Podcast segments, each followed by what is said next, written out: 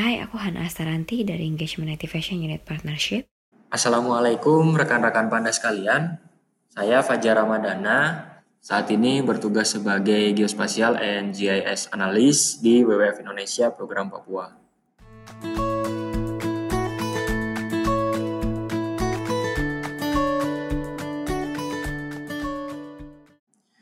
Bertepatan dengan Hari Lingkungan Hidup Nasional yang diperingati setiap tanggal 10 Januari, saya ingin berbagi tentang seberapa pentingnya lingkungan hidup, sampai-sampai harus diperingati setiap tahunnya, bahkan mungkin setiap hari.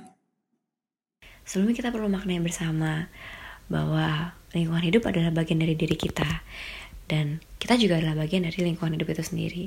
Jadi kalau misalkan ada hal yang ganjil terjadi di bumi kita atau di alam kita, yang bertanggung jawab adalah manusia itu sendiri, diri kita.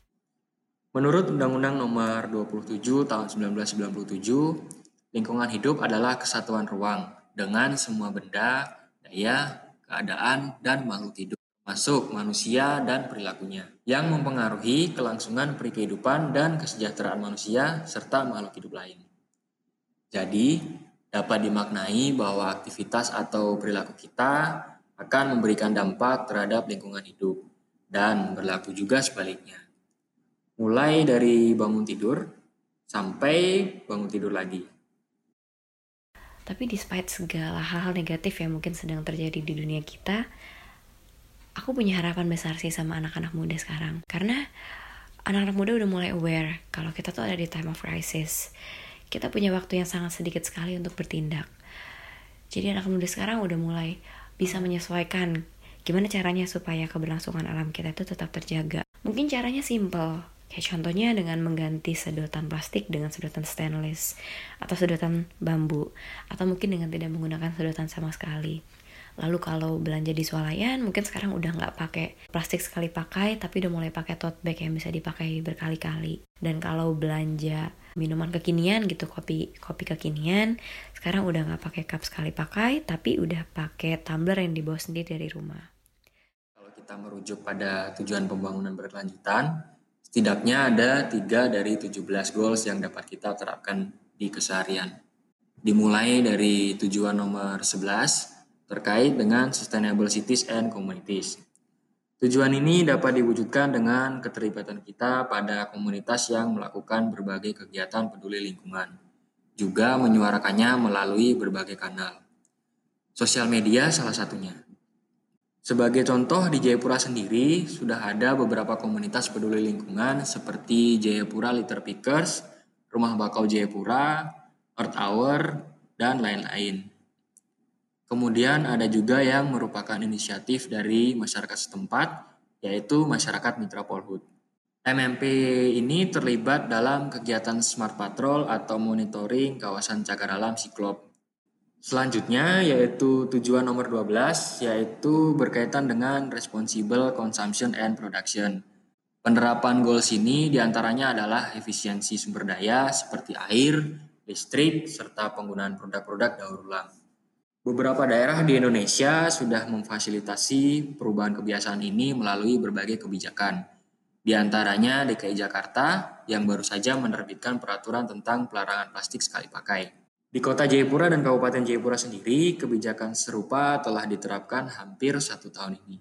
Terakhir yaitu eh, tujuan ke-13 adalah climate action yang meliputi green transport, yaitu membiasakan menggunakan transportasi umum atau ramah lingkungan.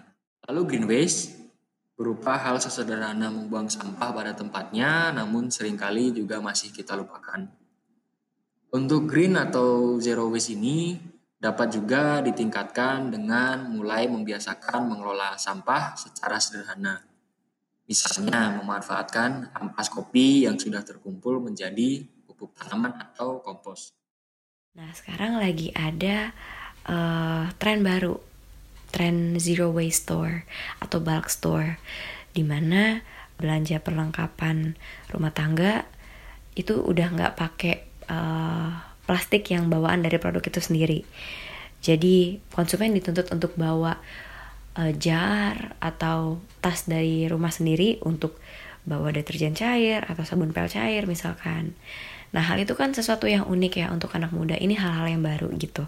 Karena ini hal yang unik, anak muda itu jadi penasaran.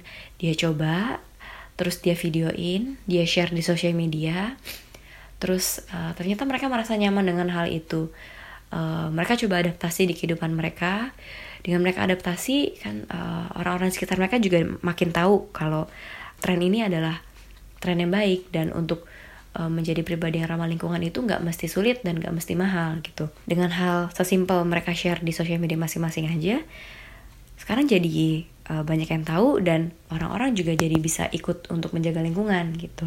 Nah, masalahnya sekarang ada aja oknum-oknum negatif yang ngasih label wah SJW nih social justice warrior buat apa sih ngejaga lingkungan gitu ngapain ngurang-ngurangin penggunaan plastik nggak ada gunanya Nah, ada aja pasti orang-orang kayak gini, orang-orang yang berusaha untuk mematahkan semangat kita dalam menjaga bumi. Tapi anak-anak muda itu sekarang udah jago lah.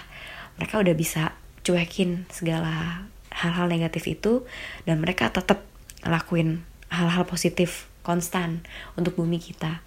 Karena toh mereka lakuin ini bukan untuk mereka sendiri, tapi mereka lakuin ini untuk kita bersama, untuk masa depan anak cucu kita.